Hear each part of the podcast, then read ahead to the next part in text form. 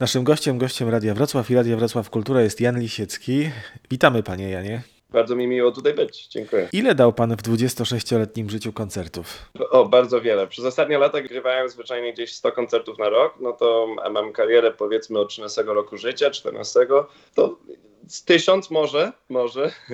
To nieźle. I nie znudziło się panu? Nigdy nie było kryzysu? Nie, nigdy nie było kryzysu, ale powiem szczerze, że ta pandemia dała mi też okazję, żeby zobaczyć, że bardzo lubię to, co robię. Bo jak się czasami tak biegnie od miejsca do miejsca, gra się z dnia na dzień, zmienia się repertuar, jest się zajętym zwyczajnie i jest dużo pracy, to czasami się zapomina, że naprawdę się lubi to, co się robi. A w moim przypadku się nauczyłem właśnie, że bardzo to lubię i, i że jestem wdzięczny, że mam tą okazję, żeby mieć tą karierę, więc fajnie. W sumie ta pandemia dała mi też tą okazję, żeby to sobie zdać sprawę sprawę z tego. A czy lockdown był w takim razie czasem e, też niepokoju, a może czasem pracy, odpoczynku, który się panu należał? Różnie, było różnie, bo na początku to może było trochę niepokoju z jednej strony, bo była ta niepewność, co będzie i jak to będzie wyglądało. I oczywiście chyba się wszyscy w zeszłym roku w marcu i w kwietniu trochę baliśmy te, tego wirusu i, i, sytuacji na świecie. No, no, nie mówię, że teraz się nie boimy, ale jest inaczej. Już żyjemy z tym prawie rok, mamy jakieś e, własne myśli na ten temat, a wtedy jeszcze nie mieliśmy okazji, więc to było na początku może te, ten okres taki, że było trudniej, ale mam szczęście, bo jak mieszkam w Kanadzie, to po pierwsze nigdy nie mieliśmy takiej groźnej sytuacji jak we Włoszech była na przykład, czy, czy w Hiszpanii, więc mogliśmy zawsze wychodzić z domu, mam, mamy naturę tuż za, za drzwiami, nie mieszkam w małym apartamencie, więc mam, mam to ogromne szczęście, też y, po prostu zwyczajnie szczęście, bo to nie wszyscy mieli tak, ja, ja wiem jak to trudno musiało być wielu osobom podczas najgorszych chwil tej pandemii. Ja sobie ćwiczyłem, chodziłem do ogrodu, pracowałem właśnie w ogrodzie, jeździłem na nartach z tatą zimą teraz i miałem różne takie przyjemności też, na które normalnie bym nie miał czasu, ale oczywiście też brakowało mi konceptów i brakowało mi tej pewności, że do czegoś pracuję, bo to jest chyba najgorsze. Praca mi sprawia przyjemność, ale ta niepewność, to, że nie wiem, w sumie dlaczego pracuję, po co, do, do czego dążę, czy dążę do jakiegoś koncertu, czy ten koncert się nie odbędzie, czy mam się uczyć tego repertuaru, czy mam sobie dać spokój i coś innego robić, bo jednak nie odbędzie się ten koncert. No takie, takie trudne pytania, na, na które w sumie nie, nie było odpowiedzi. No ten 2020 rok e, był o tyle też trudny dla Pana, że miał być rokiem wielu występów z koncertami Beethovena. Tego trochę pewnie żal. Naprawdę, to staram się nie myśleć o tych koncertach, które nie mogły się odbyć, bo nie można o tym myśleć. Wiadomo, że mam nadzieję, mam jeszcze wiele lat przed sobą i kariery, i życia i będę mógł różne rzeczy wykonać, jeszcze właśnie te koncerty Beethovena na przykład. Ale to było trochę przykre, bo rzeczywiście, żeby z wieloma dobrymi orkiestrami mieć pełne cykle beethovenowskie, to nie jest tak łatwo to wszystko jakoś e, złożyć. Musieliśmy to zaplanować wiele lat wcześniej i żeby na przykład Chamber Orchestra of Europe grała na trzech różnych festiwalach w Niemczech, to jest taki ogromny wydatek, nawet dla tamtych festiwali, że powtórzyć to raczej będzie niemożliwe, sądzę, kiedykolwiek. Więc to takie były oczywiście straty, ale każdy miał jakieś, a w moim przypadku to tylko są koncerty, a nie osoby bliskie, więc chyba w dalszym ciągu muszę być wdzięczny za wszystko. Wiem też, że spędził Pan pandemię na odrabianiu zaległości z polskiej kultury. Czytał Pan literaturę, oglądał filmy polskich twórców. Czy jakieś szczególne emocje zostały? Może no, jakieś dzieło szczególne?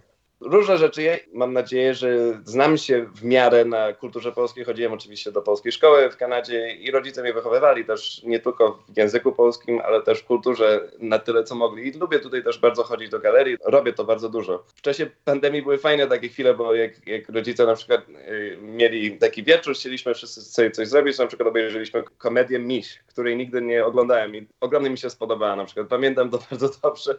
A to są takie chwile, że normalnie naprawdę by nie było tej chęci ani tej myśli może, o to bardziej to, że tej, ta myśl by nie przyszła, że, żebyśmy poszli usiąść sobie i obejrzeć komedię polską, no bo zawsze jest praca jednak, jak mam koncerty. No to miś, no to bardzo dobry w takim razie, bardzo dobrze spędzony czas. W wywiadzie sprzed 12 lat mówił pan jako Janek Lisiecki, że nie czuje pan tremy przed występem, bo kocha pan to, co robi. To jest tak, jakby pilot bał się latać. To są pana słowa. Jak mm. jest dziś z Janem Lisieckim? Wraz z wiekiem trochę się jednak zmieniamy. Ciąży też na nas większa odpowiedzialność.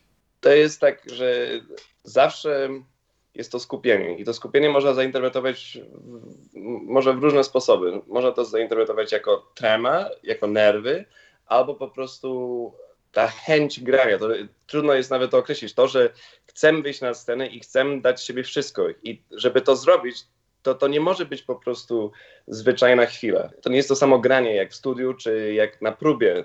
Muszę jakoś przejść do jakiegoś innego poziomu, a żeby to zrobić, to, to trzeba być zdenerwowanym. Oczywiście nerwy dla niektórych są bardzo niepokojące i nie mogą, nie mogą przejść jakby przez nie. Jest, jest to e, element, który blokuje ich na scenie, a dla mnie to staram się, żeby zawsze mi to dawało siłę, wręcz przeciwnie. Nie zawsze to wychodzi, muszę powiedzieć szczerze, że to nie jest tak, nie mogę kłamać, nie mogę powiedzieć, że nie mam nerwów. Mam, oczywiście, wychodzę na scenę i, i czasami jestem bardziej zdenerwowany niż y, chciałbym być, ale po prostu trzeba się nauczyć z tym sobie radzić i nauczyć się być skupionym i wydaje mi się, że jak się przez to przejdzie, to się jeszcze lepiej człowiek czuje, bardziej radosny.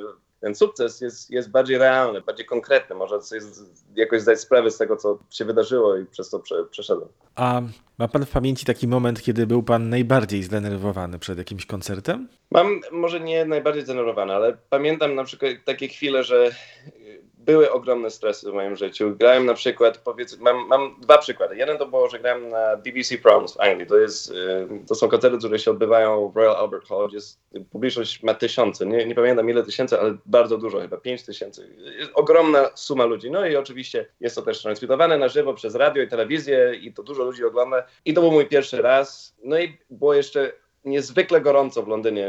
Było tak gorąco, że, że wszyscy padali. W meczu były ogłoszenia, że, żeby pić wodę i że, żeby uważać na siebie i tak dalej, więc szliśmy e, do sali koncertowej z mamą i mama mi mówi, zobacz, wszyscy tutaj są w parku i nikt nie ma pojęcia, że będziesz grał za chwilę koncert w Royal Albert Hall, więc spójrz i pomyśl, że życie jest piękne i w sumie to nie ma żadnego znaczenia. To była jedna chwila, że, że mi bardzo pomogła, a druga to było, że jak moje nagranie e, wszystkich koncertów Beethovena się odbywało, to w ogóle to było zastępstwo, więc to było może nie zupełnie na ostatnią minutę, ale z miesięcznym wyprzedzeniem na tak czy owak, to jest dosyć na ostatnią minutę. I wiedziałem, że chcą to nagrać i chcą to wydać, ale miałem tylko dosłownie jedną okazję to wszystko zagrać. Nie mieliśmy sesji potem, żeby cokolwiek poprawiać. Nic kompletnie. Mieliśmy z orkiestrą mieliśmy godzinę na scenie przed koncertem, gdzie musieliśmy zagrać to, co chcieliśmy z dwóch koncertów Beethovena oraz orkiestra miała swoje tam jeszcze części. No i wiadomo, że w czasie próby to czas zlatuje, więc nie, nie było wystarczająco czasu, żeby zagrać nawet to. A po koncercie już nie było okazji, bo sala musiała być zamknięta, nie było tam, nie mieliśmy pozwolenia na to, żeby zostać dłużej i takie były sprawy. Więc dosłownie miałem koncert. I to była, z jednej strony to były nerwy, a z drugiej strony to było takie skupienie, którego chyba wtedy tylko doznałem. Także naprawdę żyłem może bardziej życiem artysty niż kiedykolwiek w moim życiu, że byłem hotelu, w sali koncertowej i potem z powrotem w hotelu i w sali koncertowej i tak sobie żyłem przez kilka dni, a potem no, mogłem się cieszyć z tego, co, co osiągnąłem. Pamięta pan swój poprzedni koncert we Wrocławiu? Pamiętam oczywiście, jak grałem e, obłędny noworoczny koncert i z Danielem Rajskinem, e, Grigiem, to było w NFM już, a poprzedni koncert pamiętam też oczywiście ze Strugałą w Starej Filharmonii, która jak pamiętam dobrze jeszcze dzisiaj się mu rozpadała, była dosyć niezwykła, może nie tak jak, nie w tym samym stylu jak NFM. Też pamiętam dobrze I, i, pamiętam te spacery i wtedy jak pierwszy raz byłem, to właściwie byłem zafascynowany, bo mi się bardzo podobała opera i byliśmy na operze w, we Wrocławiu. Pomyślałem sobie, jaka piękna ta opera i jaka brzydka ta sala koncertowa. A teraz jest i piękna opera, i piękna sala koncertowa i to jest naprawdę ogromny dar. Macie ogromny dar we Wrocławiu. No właśnie, ta sala NFM-u to jest sala, do której chętnie pan teraz wraca? Jak ze, najbardziej. Do ze względu na co? Ze względu na to, że po pierwsze, lubię Wrocław, lubię tę orkiestrę, są mili ludzie i się dobrze gra. I wydaje mi się, że jeszcze jest, tak jak w sumie muszę powiedzieć szczerze, że w wielu miejscach w Polsce publiczność bardzo kocha muzykę i, i się cieszy z koncertów. Nie zawsze to możesz doświadczyć w innych miejscach. Nie, nie mówię, że, jest, że gorzej jest, ale inaczej jest po prostu.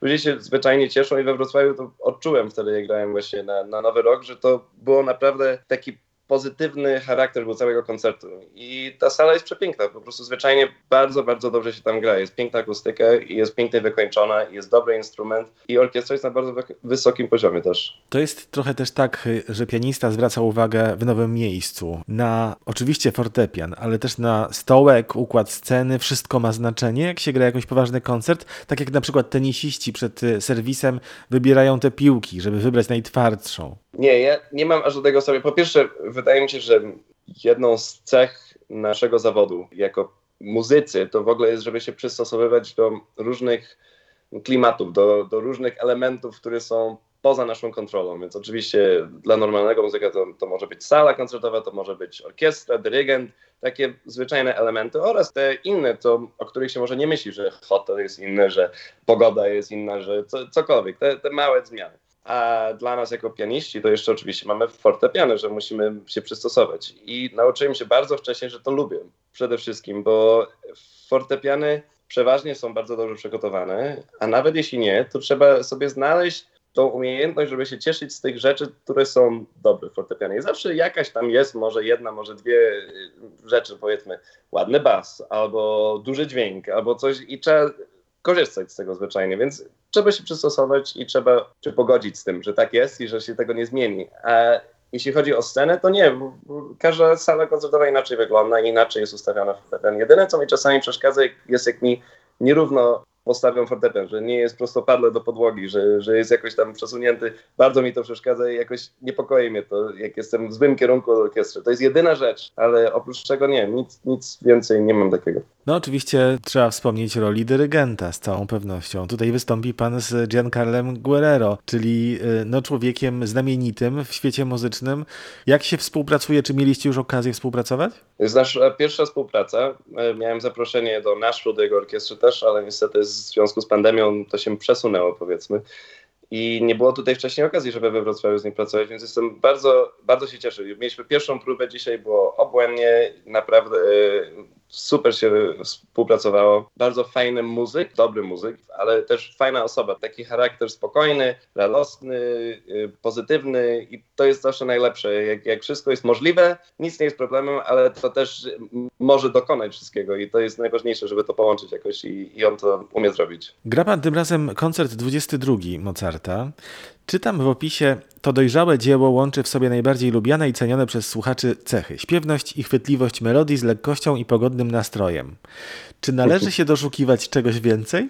Jak najbardziej. Jak najbardziej ten koncert ma przepiękną, intymną, smutną drugą część. Wyjątkowo dużo używa klarnetu i fletu i fagotu. To są instrumenty, co normalnie nie są w takim stopniu używane w koncertach Mozarta jak tu. Mają piękne sole i grają ze sobą muzykę kameralną. Używamy w niektórych miejscach z Giancarlo tylko kwintet smyczkowy, więc tylko po jednym instrumencie, co też tworzy taką inną atmosferę.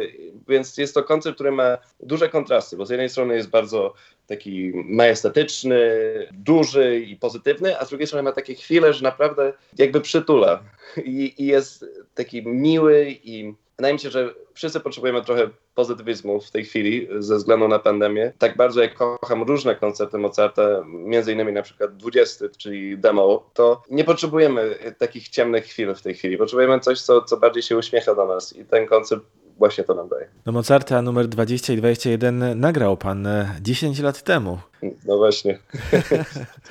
Dziś pewnie byłoby to inne wykonanie, to rzecz jasna. Mówiąc szczerze, jak nagrywam, to jestem ogromnie skupiony i zawsze chcę, żeby ten produkt był taki, z którego będę się cieszył przez wiele lat, ale potem nigdy tego nie słucham już. więc, więc jest taki, taki kontrast, bo z jednej strony jestem ogromnie skupiony na tym, że, żebym się cieszył z tego przyszłości, co, czego oczywiście nie można przewidzieć, ale chodzi o to, że, żeby produkt był naprawdę na najwyższym poziomie, bo to w sumie jest zarejestrowanie tylko tamtej chwili, oczywiście, i się, i się z tym totalnie zgadzam i nie mam żadnych takich złudzeń, że będę szczęśliwy z tego, co zrobiłem 10 lat temu za następne 20 lat. Ale jednocześnie, że po prostu dałem sobie wszystko podczas nagrania i chyba to do tego zawsze dążę. Bo wiem, że z czymkolwiek, co nagrałem, zaraz jak zaczynam nad tym pracować następnym razem, to od razu znajduję rzeczy, co są zupełnie dla mnie nowe i inne i zmieniam zdanie na interpretacjach. No i cóż, taka jest to praca. I takie jest piękno w sumie muzyki, że możemy cały czas zmieniać zdanie bez konsekwencji. Powiedział pan kiedyś, że nawet interpretacje potrafią być, e, z, zmieniać się, są płynne, zmieniać się nawet z koncertu na koncert. Zależy też od nastroju trochę?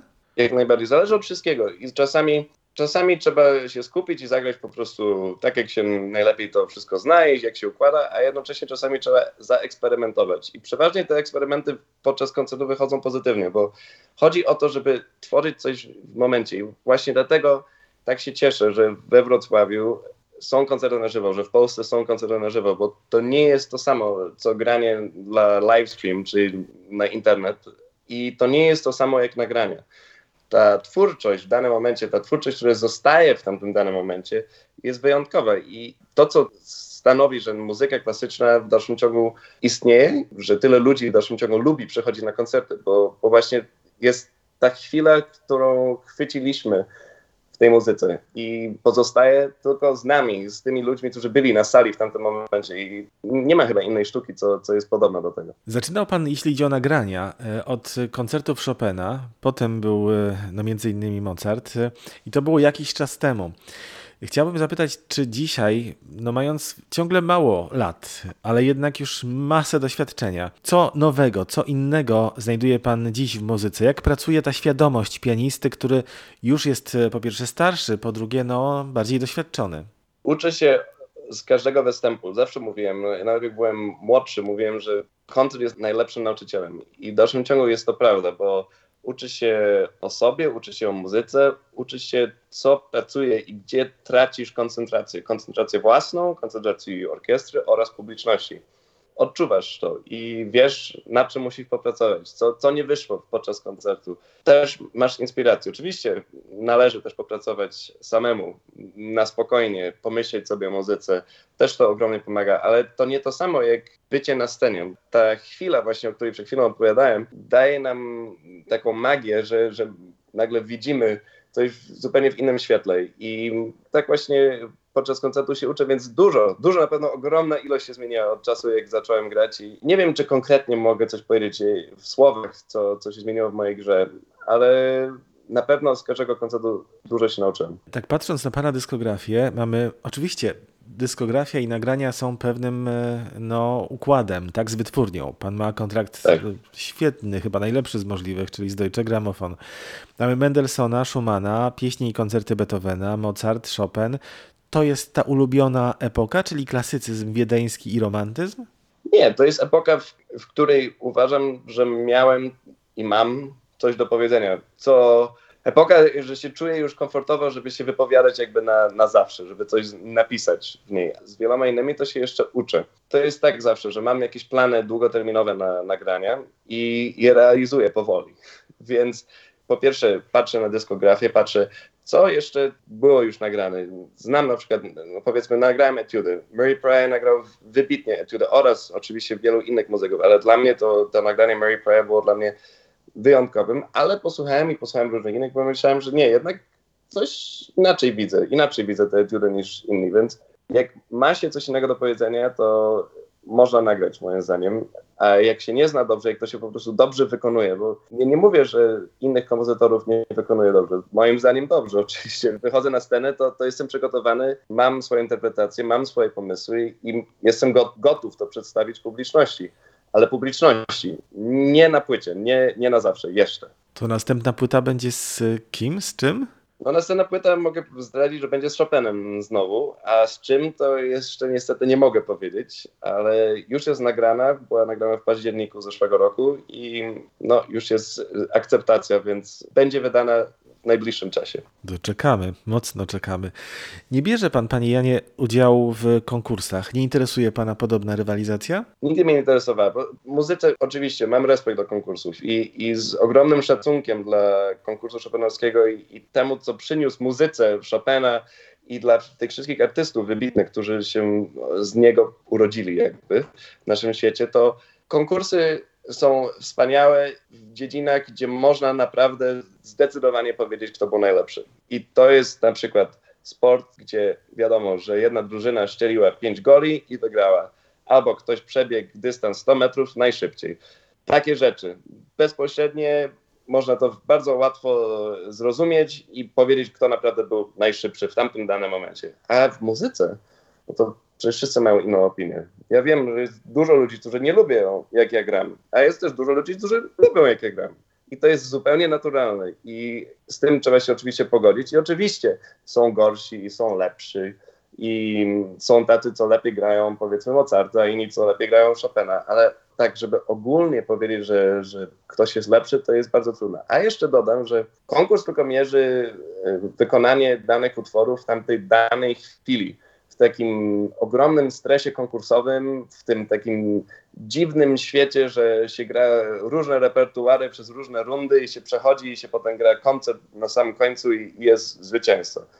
A potem w świecie muzyki, gdzie się naprawdę występuje na scenach, jest zupełnie inaczej. W ogóle to nie wygląda jak konkurs. Nie ma takiego stresu, jak jest na konkursie, ale są zupełnie inne. Zupełnie inne związane z tym, że są różne wymagania, których nie ma na konkursie. Są te pytania też, jak się do czegoś podchodzi. Nie ma takiej formuły, żeby, aha, to się wybieram ten utwór, bo to pasuje, ten utwór, żeby to pasuje. Nie, nagle trzeba układać programy na recitale. Nagle trzeba wybierać, jakiego koncertu fortepianowe chce się nauczyć i grać i występować i potem nagrywać. A potem jeszcze są te zwyczajne problemy, że czy 100 koncertów na rok jest to możliwe dla kogoś, czy ktoś lubi być w sumie na scenie, czy to po prostu chodziło o ten konkurs, albo jak się nie ma doświadczenia, to nie można odpowiedzieć na pytanie. Więc to są dla mnie tak bardzo, jak rozumiem konkursy, to się ogromnie cieszę, że nigdy nie musiałem brać udziału, bo ja wiem, jak potrafię zagrać i wiem, że nie zawsze mi wyjdzie tak, jak chcę nie potrafię się aż tak skupić, sądzę, żebym na konkursie po prostu powiedział, że to jest wszystko i tak zagrałem i tak dokładnie jest, tak jak pasuje też do tej formuły, kto zagrał najlepiej. Do, do tego, jak sobie wyobrażają sędziowie, jak powinno to brzmieć. To jest naprawdę trudna rzecz z muzyką, tak jak z każdą sztuką, żeby to zakwalifikować do czegoś i, i, zrozumieć dokładnie, dlaczego co jest, coś jest najlepsze. A ma pan takiego pianistę albo pianistkę? Ja nie mówię, że pianista wszechczasów, ale takiego kogoś, którego nagrań czy występów słucha pan zawsze z radością czy z ciekawością?